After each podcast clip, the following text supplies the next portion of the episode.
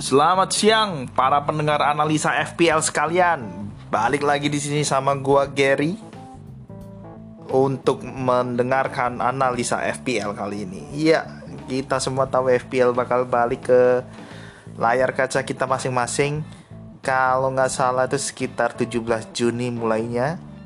So, channel podcast ini akan berusaha membahas apa yang harus kita lakukan untuk mendekati tanggal-tanggal uh, tersebut ya, tanggal-tanggal 17 Juni tersebut. Kira-kira siapa 15 pemain yang harus kita punya kalau memang kalian masih punya wildcard silakan bisa dipakai.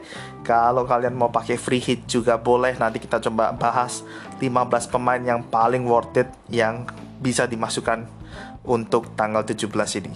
Uh, game week akan dimulai di game week 30 kalau nggak salah kalau nggak 30 39 mereka sebutnya ya Uh, di situ ada double game week buat Manchester City sama ada double game week buat Arsenal.